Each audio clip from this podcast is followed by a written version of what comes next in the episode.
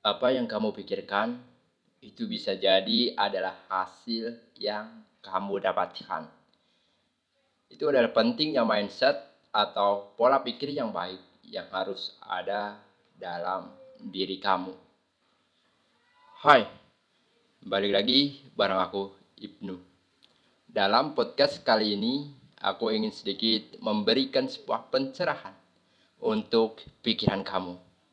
Nah, Buat teman-teman yang suka dengan konten-konten atau podcast yang positif seperti ini, untuk pengembangan diri kamu yang lebih baik sekaligus, agar aku juga lebih semangat menyajikan konten yang positif untuk kamu. Dukungan dan kritiknya, serta sarannya itu sangat berarti buat aku. Bagaimana caranya? Teman-teman bisa langsung klik tombol promotion yang ada di bawah podcast ini dan aktifkan lonceng notifikasinya. Nah, agar bisa bermanfaat untuk banyak orang, jangan lupa bagikan kepada teman maupun orang terdekatmu. Kritik saranmu sangatlah berarti. Mari kita diskusi di kolom komentar.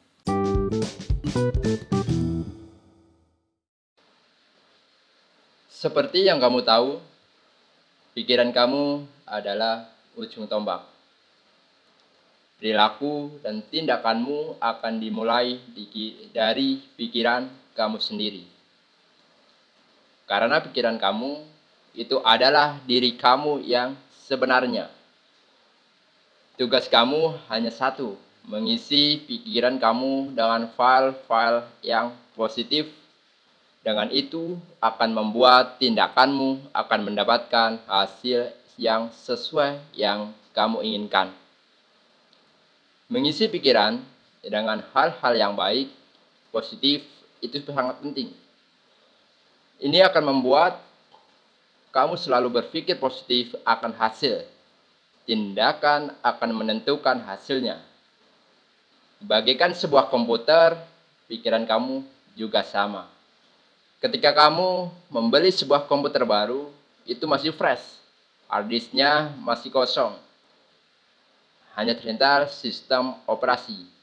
Bagaimana jalannya sebuah komputer tersebut masih banter, tidak lemot. Sedangkan file yang akan masuk harddisk ke dalam komputer kamu itu bisa kamu kendalikan kamu bisa menentukan sendiri file apa yang bisa kamu simpan dan tidak kamu simpan. Karena itu akan menentukan bagaimana komputer kamu berjalan nantinya. Ini sama seperti pikiran kamu saat ini.